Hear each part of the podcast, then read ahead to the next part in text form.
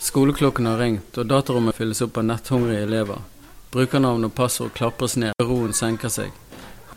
Etter skoletid kan begynne. I dagens samfunn bruker stadig flere ungdommer mer av tiden sin på sosiale medier.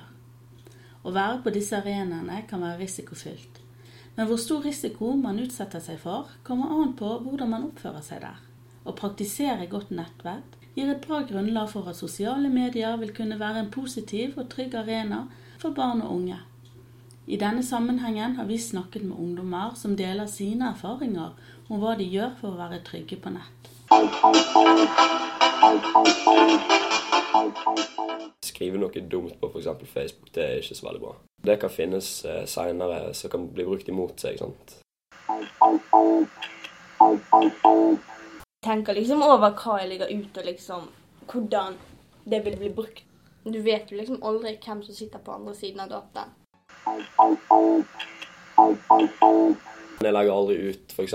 sånn mobilnummer eller sånn hvor jeg spesifikt er akkurat der og da, liksom. Noen eh, som overvåker Facebook, så er det sånn at da kan jo de eh, liksom vite at å, de er på ferie, da kan vi f.eks. rane dem. Selv om vi hører at de fleste ungdommene her er klar over at de skal være forsiktige når de er på ulike sosiale nettarenaer, vil vi likevel minne alle på nettverksreglene som Post- og teletilsynet har på nettsidene sine nettvett.no. Vær mot andre på nettet som du vil at andre skal være mot deg. Vær forsiktig med å gi ut opplysninger om deg selv. Snakk med en voksen hvis du opplever noe ubehagelig på nett. Ta med en voksen eller en venn om du skal møte noen du har chattet med. Tenk deg om før du laster ned noe fra nettet. Det kan ligge virus og spionprogrammer sammen med filene du laster ned. Gi aldri ut passordene dine til noen.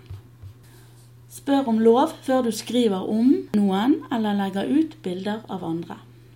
Sjekk alltid hvem som har laget informasjonen du finner.